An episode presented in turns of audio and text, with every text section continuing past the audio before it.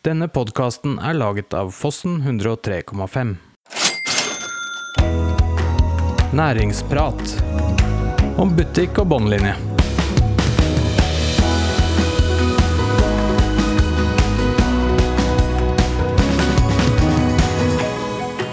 I dag sitter jeg aleine her i studio til næringsprat. Christian han har fått seg en eh, velfortjent eh, fridag. I dag så skal jeg få en hyggelig prat med Catch Media. Høre litt om reisen fra å være en liten gründerbedrift til i dag som de er 16 ansatte. Gleder meg til å få besøk.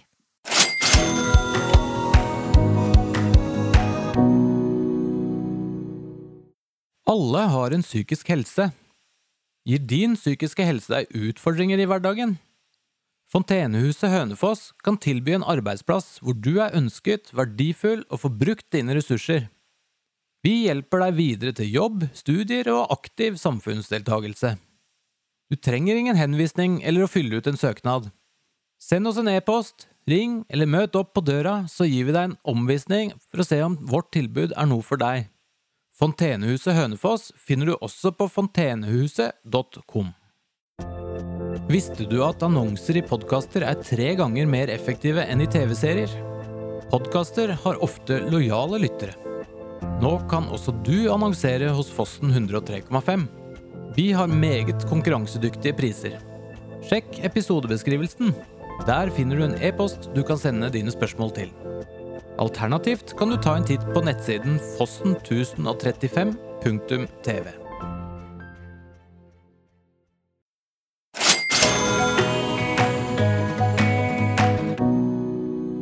Da sitter jeg her med Catch Media på besøk. I dag er det en eh, sånn skikkelig girl power i studio, siden eh, Christian er borte. Tiril eh, Uglem, du er leder for kommunikasjon og marked. Og du har tatt med deg Silje Marie Vesterås, som jobber hos dere. Det stemmer. Du, jeg lurer på, hvem, hva og hvor er Catch Media? Kan ikke dere fortelle litt om sånn, Catch Media og hva dere er? Jo, det kan vi gjøre. Catch Media er et kreativt byrå. Catch ble gründa av Thomas Foss og Heidi Fauske, som jobbet sammen i Hønefoss. Og de hadde en tanke om at de ville skape en arbeidsplass hvor det var gøy å gå på jobb. Så de starta Catch 1.4.2005. Så nå i april så er vi 19 år gamle. Da var de to. Nå er vi 16. To avdelinger. Og vi sitter på toppen av det gamle Alfred-bygget i Fossveien 13. Ja, midt i sentrum. Midt i sentrum. Ja. Full oversikt over alt. Der oppe i høyden sitter vi. Vi har hatt første etasje der i elleve år. Og i fjor så åpna vi en etasje til som vi kaller for Hatch. Så det er da Catch og Hatch. Så det er de to eh, lokasjonene dere har? Ja, det er det. Rett oppå hverandre. Vi Catch, vi sitter på toppen og jobber. Og så har vi alle møter, workshops. Vi har et fantastisk workshop-lokale som vi Ja, har fått der. designa sjøl, som jeg er veldig glad i. Ja. Um, og så leier vi ut arbeidsplasser. Så vi har jo eh, mange som ikke jobber i Catch, som sitter sammen med oss eh, på daglig basis, spiser lunsj osv. Og, Mm. og så er det god plass til å møte mye folk. Så vi er, eh, vi er veldig glad for å ha fått mer plass å boltre oss på nå. Veldig spennende. Og jeg har vært der, så jeg har sett hvor flotte lokaler dere har fått. Takk. Ja. Eh, Silje, kan ikke du fortelle litt grann om din inngang til catch? Ja, jeg føler jo at det var i går at jeg begynte hos Catch, men det har begynt å bli en god stund siden. Jeg kom jo til Hønefoss i 2019. Da var jeg student hos USN på markedsføringsledelselinja der. Og så kom jo korona etter hvert, eh, og jeg begynte å kjede meg litt. Så jeg begynte jo bare å melde meg på alt jeg kunne melde meg på. Da var det annet en mentorordning der du kunne bli para opp med um, de som jobber i arbeidslivet i Hønefoss da, og området rundt. Da ble jeg jo da uh, kjent med Petrus, som da er kreativ leder hos Catch. Uh, vi var da mentor og mentoree i et halvt års tid. Og når vi da var ferdig med det, så spurte jeg veldig pent om jeg fikk lov til å ha internship hos Catch, som de heldigvis sa ja til. Og da etter et halvt år med internship i Catch, så fikk jeg til slutt tilbudet om fast stilling som markedsrådgiver. Så nå har jeg jo jobba der i litt over et år, men også vært i systemet i litt over to. Så utrolig bra. Og dette her, tenker jeg, altså, bare ved å dvele bitte litt med det med USN, så det at næringslivet er mentorer for studenter, det er superviktig. Så det er oppfordring til alle som eh, ser og lytter. hvis du eh, har kapasitet til å være mentor for noen, så sørger det for at slike som deg, eh, Silje, kanskje blir i regionen vår. Veldig, Det, veldig gjerne ta på dere mentorroller. Det er kjempeviktig og kjempelærerikt for alle parter. mm. Og det å få inn ei som eh, Silje, nyutdanna, hva betyr det for dere? Det betyr eh, alt. Altså, Silje kommer inn i Catch med ny energi, eh, en driv som er jo altså, kjempeimponerende. Og, eh, et blikk utenfra. altså Fersk kompetanse er én ting, men det å komme inn i en bedrift ikke sant? Vi er nå snart 19 år gamle. Vi er eh, vært en stund. Eh, mange som jobber i Catch, har jo vært der i mer enn ti år. Eh, Så det er veldig sunt eh, og viktig å få inn nytt blod, og ikke minst liksom ferskeste kunnskap. Og og også den, altså komme fra studiet, se ting på en litt annen måte, og ikke minst også koble næringslivet og studentlivet sammen. Det har vært utrolig kult å, å se den koblingen, og hvor lett det faktisk kan gjøres. Men jeg vil jo si at det har jo krevdes um, en del innsats fra Silje, da. Altså, du er jo en uh, et rivjern eh, og bare går på og liksom har masse god energi. Og det har bare vært en kjempegave for oss å få det inn i Catch. Mm.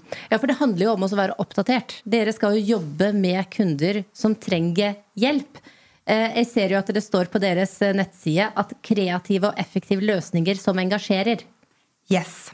Det er jo gjerne det vi ønsker å oppnå, og det er kanskje et av liksom særtrekkene til Catch. Da, at vi er, vi er en engasjert gjeng. Eh, Vi, er, eh, vi har en høy faglig kvalitet, spesielt på digitale leveranser. Det har vi egentlig hatt eh, lenge. Selv om da Catch begynte, så var det jo telefax og fasttelefon og telefonkatalogen som var i synligheten. Så det, jo, det har skjedd litt på den digitale fronten. Men felles for oss er at vi, vi brenner veldig for det vi gjør, men vi brenner også veldig for det kundene våre gjør. Da, og vi er veldig opptatt av samarbeid. og vi går inn i prosjektet med et engasjement som vi, vi tror og håper at smitter eh, på andre. Og så er det noe med at vi har eh, Vi er veldig opptatt av at det vi leverer, skal være bra. Litt sånn eh, kanskje høy grad av perfeksjonisme internt eh, hos oss. Og at vi ser at det produktet som vi ender opp med, om det er en nettside, om det er en digital kampanje, om det er en brosjyre, hva enn det er, at det funker for det kunden ønsker å oppnå. Ja, For det du sier der, er jo litt stort og smått. Eh, Hvem er kunden? Kunden er veldig mange forskjellige. Eh, Vi har, eh, vi har mange lokale kunder. Vi har mange av de store lokale kundene som vi har vært heldige å jobbe med over lang tid. Ringerikskraft, Viken Skog. Vi jobber mye med sparebankstiftelser, både lokalt og nasjonalt. Og det er jo noe av det jeg syns er så trivelig og flott, fordi du blir virkelig du får se alle de gode historiene. Du blir eksponert for alt det positive, frivilligheten, både i vår region, men også i resten av landet. Men vi jobber også med, med store nasjonale kunder. Vi jobber en del med forbund. Eh, Norges idrettsforbund, Golfforbundet. Jobbet eh, veldig tett med Norges Golfforbund på et bærekraftsprosjekt nå som bare er superinspirerende. Men så har vi også små kunder, eh, lokale kunder. Eh, Silje jobber jo veldig tett med bl.a. Tyrifjord videregående skole. Um, så det er rett og slett en veldig god miks, og sånn sett er vi veldig heldige for at vi får liksom en sånn, en, et liten fot inn i mye av det som skjer. Både regionalt, men også nasjonalt. Og så nevnte du Du var så vidt innenfor nå. Det er et spørsmål som jeg tenkte at jeg ville litt inn på, og det gjelder bærekraft og samfunnsansvar. For hvordan klarer dere å integrere bærekraft og samfunnsansvar i kommunikasjonsstrategien? Både deres egen kommunikasjonsstrategi som selskap, men også inn da til kundene deres. Er det et fokus? Ja, det er det jo. Det er et ganske naturlig fokus gitt den tiden vi er i, og spesielt nå hvor det kommer stadig mer regelverk på at eh, det er ikke bare nice to have, det er noe du må ha. Eh, Catch ble jo selv miljøfyrtårn-sertifisert for noen år siden. Jeg har fått en helt ny forståelse for hva det arbeidet innebærer. Mm, Men det gjør jo også at vi kjenner på et ansvar for å pushe på eh, for kundene våre. Fokusere på bærekraft og ikke minst bærekraftige løsninger. Eh, Og det kommer til uttrykk på mange måter. Leverandørene vi velger når vi skal produsere trykksaker, f.eks., men også at vi har det fokuset med oss inn i prosjekter. da.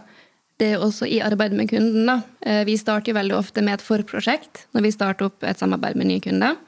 Der vi da prøver å kartlegge litt hva er egentlig behovet, hva er egentlig målet, og hvordan skal vi best mulig gjøre det samarbeidet her.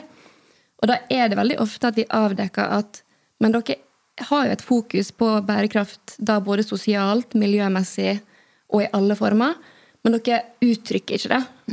Dere kan være med på den bølgen her. Dere kan faktisk med god samvittighet gå ut og si at dere jobber bærekraftig. Men unngå greenwashing, selvfølgelig. Eh, men å rådgi kundene våre da, til hvordan de best mulig kan kommunisere, og gjøre det i praksis også. For det hjelper ikke å bare skrive eller si ting, du må faktisk gjøre det også. Veldig viktig. Veldig viktig, og ganske stor forskjell. Uh, ja, hvordan måler dere egentlig effektiviteten av kommunikasjonen dere gjør?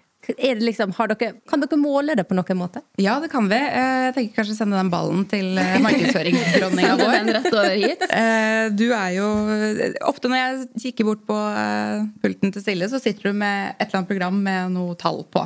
Masse, masse tall. Det er jo det som er så artig med den tidsalderen vi lever i nå. Det er jo at alt kan jo måles hvis du gjør det riktig. Eh, jeg jobber jo da veldig mye med digital markedsføring, da i form av Google Ads, eh, annonsering på Meta, LinkedIn, alle andre plasser. Mm. Og det som er så fint med de verktøyene, er jo at de er lagt opp til at du skal samle inn tall og informasjon om hvordan presterer egentlig den kommunikasjonen du sender ut. Uh, trikset ligger jo i, da, i å samle inn de tallene og analysere det på riktig måte. Fordi du kan ha kjempegode tall uten at det i praksis egentlig gir kunden noe økt verdi. Så det handler jo om å vite hva du ser etter. Og også, veldig viktig, ha kontakt med kunden. Ha kontakt med kundens kunde. Og bare samle informasjon der du kan samle informasjon. Eh, så det er veldig komplekst, samtidig som det er veldig enkelt. Så det er jo, det er jo et eget yrke, så det vet vel kanskje Kristian noe om, eh, hvis han har vært der. Men i forhold til det der med å samle informasjon, bruker dere da teknologi? Bruker dere liksom AI? Vi har nok vært borti AI og kommer til å bruke det masse i tida fremover. Ja. Eh, det kom jo veldig brått på, egentlig, i fjor. Eller ikke brått på, men plutselig så var det det alle prata om. Plutselig var det det alle skulle bruke. Og da har jo vi, ikke vi som kreativt byrå noe annet valg enn å kaste oss på ballen mm. og lære oss mer og finne ut hva kan vi eh, ta nytte av her. Hvordan kan vi gjøre våre tjenester bedre, både for oss sjøl internt, men også for kunden. Mm. AI er en kjempegod sparringspartner, blant annet. Eh, hvis du står litt stille med kommunikasjon og tekst, hvordan skal jeg få ut det budskapet her? Be AI om å skrive det på fem forskjellige måter og hente inspirasjon. Ikke mm. kopier, men hent inspirasjon fra det som står der. Eh, på design- og digitalteamet de bruker det også aktivt. Da både for å spare kode, er det mange som gjør. Og designerne bruker det også for å få ideer til ok, hvordan kan vi utforme det her på best mulig måte. Så det er mye muligheter der, da. Mm. Og i forhold til at selskapet da straks er 19 år, så har det jo vært en helt vanvittig utvikling. Så hvordan holder dere dere oppdatert? Jeg tror at mye kommer litt sånn naturlig fordi at alle er veldig opptatt av faget sitt. Eh, vi liker å lære mye nytt. Eh, så alle holder seg oppdatert liksom, som en del av eh, hverdagen. Og vi kaster oss gjerne på trender også. Det var jo jeg var kanskje en av de som var mest skeptisk til AI da det kom, og var en av de som bare Hæ, men tekst, nå mister jeg jobben. Og så ser jeg andre på jobb som bare Å, kjempekult, et verktøy, hvordan bruker vi det? Tar det inn og liksom prøver, feiler, sjekker ut. Da. Så det å være en del av et såpass liksom, framoverlent kreativt miljø gjør jo også at du blir liksom, inspirert til å lære nytt, hente inn kunnskap. Og så er det jo mye prøving og feiling. Vi får jo teste ut mye forskjellig. Vi får gjøre mye gøy gjennom de samarbeidene vi har med kunder. Og det er jo som du sier at eh, det har skjedd mye siden starten. Altså, Catch eh, heter jo Catch fordi vi catcher kundens behov Eh, det er en del av måten vi jobber på. Eh, men jeg snakka litt med Heidi og Thomas, og de sa jo da at eh, det var jo sånn ganske strategisk at C kommer ganske tidlig i telefonboken også. For det var jo der synligheten var i 2005. Ja, det var jo ikke Google, det var Nei. ikke Google Ads. Det var liksom ok, eh, reklame. Hvem, hvem, kommer først i telefonboka? Eh, så det har jo absolutt skjedd altså kvantesprang på den tiden. Da jeg begynte i Catch for sju år siden, så drev vi jo ikke med digital markedsføring. Og er, nå er det jo noe av det vi jobber mest med. Så mm. ja, vi må bare være på og så tenke at uh, nytt er spennende, og vi kan alltid bli bedre. Men ser dere da forskjell på de store internasjonale trendene og måten å jobbe på, kontra hva kunden deres vil ha her lokalt? både hva de vil ha, men også hva de trenger. Ja. Eh, Det er liksom veldig lett å hoppe på de største trendene og bli litt blenda av at oi, det her fikk mange visninger, det her fikk mye oppmerksomhet. Alle andre gjør det, da må vi også gjøre det. Men jeg har litt troa på det å faktisk se det faktiske behovet, og faktisk se regionen man opererer i. Jeg vil bruke Tyrifjord videregående skole igjen. da, At vi kunne jo absolutt hatt eh, positiv virkning av å hoppe på TikTok-trender der og få elevene til å springe rundt i gangene og danse. Absolutt. Men også så ser vi det at det man trenger man skal velge videregående skole, er jo det å komme tettere på de som går der nå. Hvem er lærerne? Hvem er de ansatte? Hvem er elevene som går der nå? Hvem blir dine fremtidige klassekamerater? Og da heller legge litt til sides det trendkjøret, og heller komme tettere på å gi målgruppa det de faktisk trenger. da. Litt med tanke på budsjett og effektivitet. Eh, Så vi kommer absolutt til å kanskje danse litt på TikTok også, men ha fokuset der på det nære, da. Og så er jo spørsmålet litt hva er det man skal selge? Og til hvem? Ja. Så ja, hva er liksom det beste, altså hvis eh, de som nå sitter og hører på, da, som, som har et eller annet, eh, en vare eller en tjeneste som de, som de selger, hva er de fem hotteste tipsa nå om dagen, da? eh, nå om dagen eller alltid. Altså vi Som Silje sa, ofte så begynner vi de fleste samarbeidene med en kartlegging. Enten om det er gjennom en workshop eller bare en liten prat. Eh, fordi at eh, folk kan komme til oss og si 'jeg har dette behovet', eller 'jeg trenger dette'. Så tar vi et lite steg tilbake og så kikker vi litt på okay, hva er det vi egentlig prøver å oppnå her. Og det tenker jeg er liksom hovedgreia. Da. Hva, er det man vil, hva er det man vil få til? Um, men å alltid sette seg i altså kunders, kunders perspektiv eller brukerens perspektiv og se litt på nettopp det med hvilket problem er det jeg prøver å løse, eller hvilken verdi er det jeg prøver å tilføre. Og så gå ut fra det. Fordi det er så mye gull i det man allerede har. Eh, Jeg jobber en god del med employer branding, eller markedsføring av eh, arbeidsgivere. Eh, Og det handler jo om at det er, det er harde tider på mange fronter. Det er mange som sliter med å få tak i gode folk. Og et tiltak for å liksom få tak i de gode folkene, det er jo nettopp det her med å bruke de man allerede har. For det er så mye gull i bedrifter, det er så mye bra å hente hvis man bare liksom, ja, graver litt. Så veldig ofte så tar vi jo utgangspunkt i det som allerede er der, og ser på hvordan kan vi pushe det på en god måte. Fortelle, fortelle historien. Ja, fortelle historien og, og peke på det som er eh, bra. Og det er jo noe av det jeg elsker mest med jobben min. Det er jo at vi, vi får møte så mye. Vi får komme inn et lite sånn dypdykk i mange forskjellige bedrifter. Jeg er jo supernysgjerrig, så jeg elsker jo det. Å få komme inn til folk. bare Hvordan funker det her? Hvordan har du det på jobb? Hva er det som er bra? Hva er det som ikke er bra? Ok, men Kanskje vi skal ta det videre og liksom jobbe litt med det. Hva er det som funker? Det må vi jo få ut. Som Silje sier, dere kommer inn til en bedrift og bare Men dere jobber jo masse aktivt med bærekraft. Men det står ingen steder på nettsiden deres. Dette må vi få ut. Og hjelpe til litt som å grave etter det gullet. da. Og det tenker jeg at det er jo absolutt noe vi kan gjøre, men det er også noe som folk kan gjøre selv. Det er så mye bra der, eh, og alle har jo en god historie å pushe ut. Og så er det også noe med å liksom bli klar over hvem er det jeg skal nå. Det er veldig viktig det du sier der, å bli litt klar over seg sjøl. At vi jobber. Vi jobber hver dag. Vi kjører på, vi beveger oss fremover. Og glemmer kanskje litt hvordan vi egentlig klarer å komme oss fremover, fordi vi bare gjør det. Eh, Så det er det jeg også ser som gøyeste delen. Det er nettopp forprosjektet, som du har jo vært med på et eh, lignende opplegg. Da er du bare stoppa opp og ser litt tilbake. Men hva er egentlig grunnlaget vårt? Hvem er vi? Hvordan har vi kommet oss dit vi er nå, og hva vil vi egentlig videre? Og stoppe litt opp da, og ta fortida litt, men også fremtida. Ja. Jeg er jo heldig og har en jobb som jeg jobber med utvikling av flere, altså forretningsutvikling. Derfor så har jeg jo møtt dere tidligere, fordi at eh, da har vi jo kanskje i deres sin kommunikasjon, så trenger de kanskje noe hjelp. Så det er sånn jeg har møtt dere. Men eh, i forhold til driften av eh, Catch, hvordan eh, står det til med båndlinja? Altså, hvordan går det økonomisk? Ja, det er veldig hyggelig å snakke om, for det, det går bra med Catch. Og Catch eh, begynte jo som sagt da, med den her drømmen om bare ha det gøy på jobb. Og så er det klart man skal drive business, og det er gøy når det går bra. Eh, Men Catch har alltid vokst veldig organisk. eh, Og vi ser jo mot eh, lignende byråer, spesielt i Oslo. det er harde tider. Det er konkurser, det er permitteringer. Eh, generelt i verden så strammes det inn, og veldig ofte så er jo markedsføring noe av det folk begynner å spare på.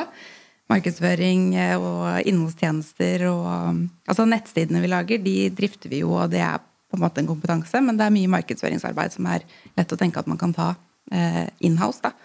Men vi ser jo også det at det at Catch aldri har hatt lån, f.eks., og det at vi har hatt mange vi har hatt mange kunder å spille på. Vi har ikke hatt én eller to store som på en måte har Dratt skuta alene. Ikke sant? Og som har ført til at Mm. det er jo for mange egg i én kurv. Nettopp. Ja. Og det er jo veldig vanlig, det ser man mye av i, i større byråer i Oslo også, at man vinner en stor kontrakt, så ansetter man 5-10-15 nye mennesker, og så forsvinner den kontrakten, og da er det ut. Catch har vokst veldig organisk. Um, og det har også vært med på at, uh, at driften er sunn, da. Uh, så det går jo bra. Uh, det går med litt overskudd. Uh, og det er veldig gøy å være med på, på den reisen der. Men det er, um, det er ikke vekst for vekstens skyld. Det skal være sunt, og det skal gi mening, da. Um, så det er jo en fin trygghet i, i litt sånn turbulente tider, også i vår bransje. Ja, og dere er jo et, en arbeidsplass uh, i Hønefoss sentrum med 19 ansatte. Var er det du sa? 16 ansatte. 16 ansatte. 19 år gamle, 16 ansatte. Ja. Mm. Og det er det jo respekt av. Det er jo veldig kult. Helt enig. Det er veldig kult. Og det er veldig kult uh, å jobbe i en eh, bedrift som begynte som en gründerdrøm. Eh, og som nå har etablert seg i regionen vår. Eh, og ikke minst som har noen tråder ut i en ganske stor del av eh, regionen vår. Mm. Fremtidsutsikter. Hva, hva er det Catch eh, ser for seg? Åh, det er så masse.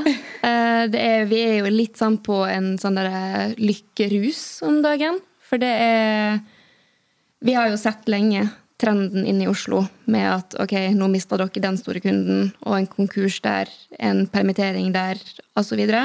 så har vi på en måte liksom Vi har så mange lojale kunder der vi har så god tillit begge veier. Spesielt for meg som kom utenfra, så fikk jeg helt sjokk når jeg oppdaga det her. At å ja, dere har vært kunder her i ti år. Hvorfor det? Jo, fordi vi har tillit til hverandre begge veier. Det er et godt samarbeid, og begge parter trives i det samarbeidet. Og vi ser jo nå at det er jo der gullet ligger for vår del. At vi har de, den stabiliteten. Vi jobber med å få enda flere sånne stabile, langsiktige avtaler. Både for e- vår egen del, men også for stabilitet og langsiktighet for kunden. Da. At det er litt viktig i den turbulente tida vi faktisk lever i nå. Og vi er litt sånn Vi tar det litt så det kommer, men vi jobber også veldig hardt med strategi. Eh, For det, det er kjempeviktig å ha en strategi i bunn.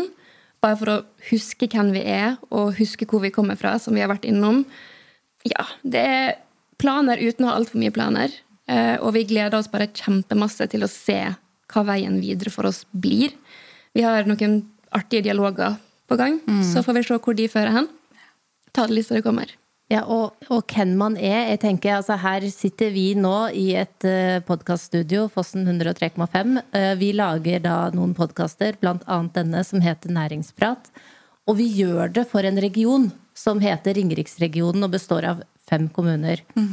Og da tenker jeg, hvordan tenker dere at en slik region burde markedsføre seg? Fordi at vi hører nemlig Når man snakker eh, østlandsregionen, og når man ser mot Oslo, så er Ringeriksregionen litt usynlig. Hvis dere skulle si liksom, eh, noe om hvordan Ringerike rett og slett bør markere seg. Altså, jeg har litt lyst til å henge meg på eh, Christian eh, Svenning Andersen, eh, redaktøren i Ringblad, eh, som eh, også var min første sjef, faktisk. Vi må bli bedre til å snakke mer om alt det bra vi får til. Eh, vi er også skyldige i det, at eh, dagene går, og vi jobber på, og vi forteller ikke så mye om alt det bra vi gjør. Men vi ser jo alt det fantastiske små og store bedrifter får til i den regionen her, som har røtter langt utover regionen sine grenser. Det er så mye bra her. Potensialet, stå-på-viljen, altså drivkraften i regionen vår, er kjempegod. Og det er bare Det er gull som ikke er kommunisert ut, og der kan vi bli mye bedre. Men jeg tenker at i det så ligger det jo også at vi må prate med hverandre. Vi må samarbeide. Vi må gå sammen om en felles budskap. Vi må ja, ikke jobbe litt her, oss oppe her hos oss og noen andre der nede. Vi må gå sammen, så må vi bli enige om at ok, den historien, den skal ut. Mm. Og da tenker jeg at møteplasser og networking er utrolig viktig, og at folk møter opp når det skjer ting, eh, slik at man eh, får et større nettverk. Absolutt. Er dere flinke til å delta på andre sine ting? Jeg vil påstå det. Vi har liksom flere følere ute og får med oss når det skjer ting. Og så er det jo alltid en liten prat. ok, Hvem er det her relevant for hos oss? Hvem har tid? Hvem har mulighet? Men det er igjen, som utenforstående, kjempenyttig. Jeg har blitt kjent med så mange fantastiske folk som senere til og med viser seg å bli kunder, men også bare ressurser. Øh, Og få flere inntrykk og få flere synspunkt på viktige tema. Så jeg syns at vi er flinke. Vi kan selvfølgelig alltid bli bedre, men oppfordrer alle til å delta da, på det som skjer i regionen her. Og det å, det å fremheve de gode, de gode eksemplene, og det å snakke varmt om, det er jo kanskje også da en oppfordring, da. Absolutt. Mm. Jeg tenker jo, Vi prøver jo alltid å bli litt bedre kjent med sånn, de vi har på besøk. Eh, Sånn, hvem er de ellers? Og jeg tenker jo sånn, Hvem blir dere inspirert av? Nå hører, vi hører jo hva andre sier. ikke sant? Det er veldig variabelt hva som inspirerer. Ja. Skal jeg begynne med den uh, Ta din, Sinde. The obvious one? Uh, ja, jeg blir jo kjempeinspirert av uh, dronningen selv, Beyoncé. Jeg er super Beyoncé-fan. Um, men der er det et eller annet med den, den gjennomføringsevnen og den kompromissløse jakten på å oppnå den visjonen man har satt seg. Og det tror jeg også liksom, Det er litt det samme av de lokale menneskene jeg møter, som jeg blir kjent med. De som har, de har en tanke om hvor de skal. De vil dit, og de, går, de har passion, og de går inn for det. Det er kjempeinspirerende. Uansett om det er Beyoncé eller om det er gründeren som har startet en ny bedrift. Superinspirerende. Har du noe inspirasjon? Her kommer jo problemet, da. Det er jo at vi er jo egentlig samme person. Oh, ja. um, så jeg skal ikke si Beyoncé, men alt annet stemmer overens. Og det, for meg så er det da hovedsakelig kvinnene i næringslivet som tør å satse. Som tør å være litt sånn upåklagelig. Bare gjør det. Ikke bry seg om hva folk sier eller 'nei, det får ikke du til'. Bare kjør på. Og litt sånn power women generelt. Det er de jeg ser opp til. De inspirerer meg veldig. Så bra. I fare for nå å bli liksom veldig girl power her, så får vi også gå litt inn på hva kan man være redd for? Ja. Jeg syns det var et vanskelig spørsmål. Eh, for det eneste jeg kom på som jeg virkelig er redd for, det er kvikkleire. Ja. Det Vi har jo litt av det i Hønefoss. Ja, det er så akkurat det, da, da. håper du ikke bor i et utsatt område. Jeg kommer fra Vestlandet, Ja. der du er vant til at hvis det er en fare, naturfare, så enten ser du det steinraset eller det snøskredet eller den flodbølga, Um, men det er så usynlig. Så skjulte farer er Ja. det jeg er redd for. Det er du redd for. Ja. Ja, jeg har nok en tendens til å være litt bekymra sånn eh, av natur. Eh, og så ble jeg mamma for noen år siden, og da bare åpnet det seg en sånn ny verden av ting man kunne være redd for. Eh, så jeg jobber egentlig litt sånn aktivt med å ja, prøve å være takknemlig for det jeg har, fremfor å være redd for å miste det.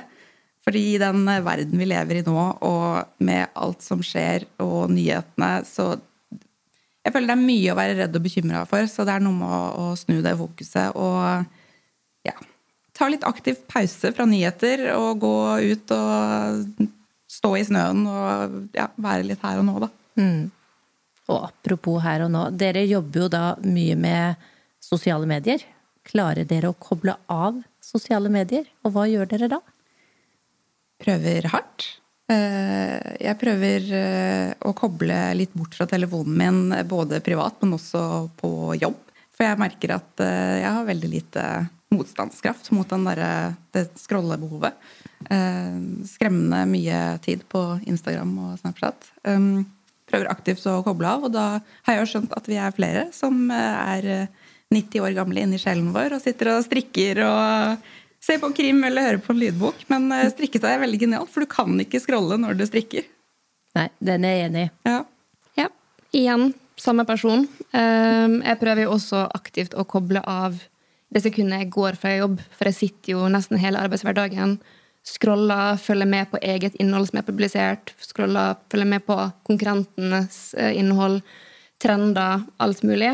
Så når jeg da går hjem fra kontoret, så har jeg lyst til å bare legge det av vekk. Og jeg har skrudd av alle varsler på Instagram og på TikTok og på lignende. Men likevel så sier den skjermtida mi at eh, det blir litt skjermtid uansett, da. Eh, men ja, 90 år gammel i sjela. Eh, elsker å sitte og hekle og brodere. Så det er det det går i da, når jeg kommer hjem. Ja, Det er hyggelig å høre. Sunn norsk ungdom der, altså. Da vil jeg bare helt avslutningsvis høre hvordan kan de som nå lytter på oss, komme i kontakt med dere? Hvordan er dere lettest å få tak i? Vi er alltid på mail. Konstant hele tiden. Eh, og LinkedIn er en god, eh, god kanal. Der, eh, der Den tror jeg flere og flere bruker. Ja. Og den, det er liksom det mediet. Jeg tenker at det er et sosialt medie også. Og det har jeg alltid åpent på desktop på jobb. Så selv om jeg legger bort telefonen, så sender du meg en melding på LinkedIn, så får jeg med meg den. Mm. Ja, det er egentlig ganske likt. Det foretrukne det er mail. Rett og slett fordi vi jobber i prosjektbasis. Så det kan fort hende at to timer da sitter inne i ei boble, og så kommer tilbake til det så fort som mulig. Så vi kan skape vår egen lille prosjektboble etter hvert. Så hyggelig. Tusen takk for at dere kunne komme i dag. Det har vært veldig gøy å høre på hva dere jobber med, og hvordan dere ønsker å utvikle dere. Takk for at vi fikk komme. Kjempegøy. Så morsomt. Altså, vi, vi kommer gjerne tilbake. Du, det tenker jeg dere må, for det er masse mer å snakke om.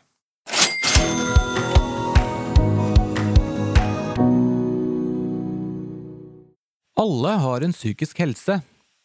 Gir din psykiske helse deg utfordringer i hverdagen? Fontenehuset Hønefoss kan tilby en arbeidsplass hvor du er ønsket, verdifull og får brukt dine ressurser. Vi hjelper deg videre til jobb, studier og aktiv samfunnsdeltagelse. Du trenger ingen henvisning eller å fylle ut en søknad.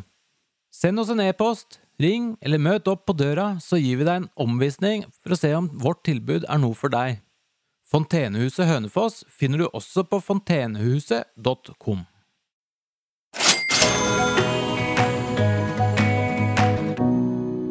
Nå føler jeg meg både inspirert og kreativ etter å ha hatt besøk av disse to eh, spennende damene i studio.